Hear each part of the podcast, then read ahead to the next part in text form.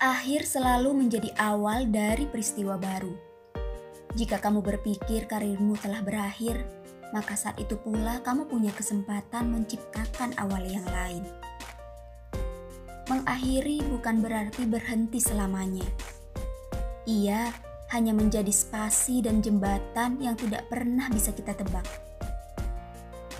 Bersemangatlah, walau kamu sedang merasa di akhir karena apa pun yang kamu alami, menjadi yang terakhir juga sebuah anugerah.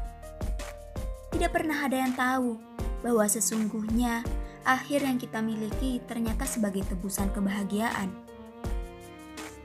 Apakah kamu lupa ada hukum kausalitas di dunia ini? Jangan menyerah. Akhir bukan segalanya. Hari ini belum berhenti, hari esok selalu menanti.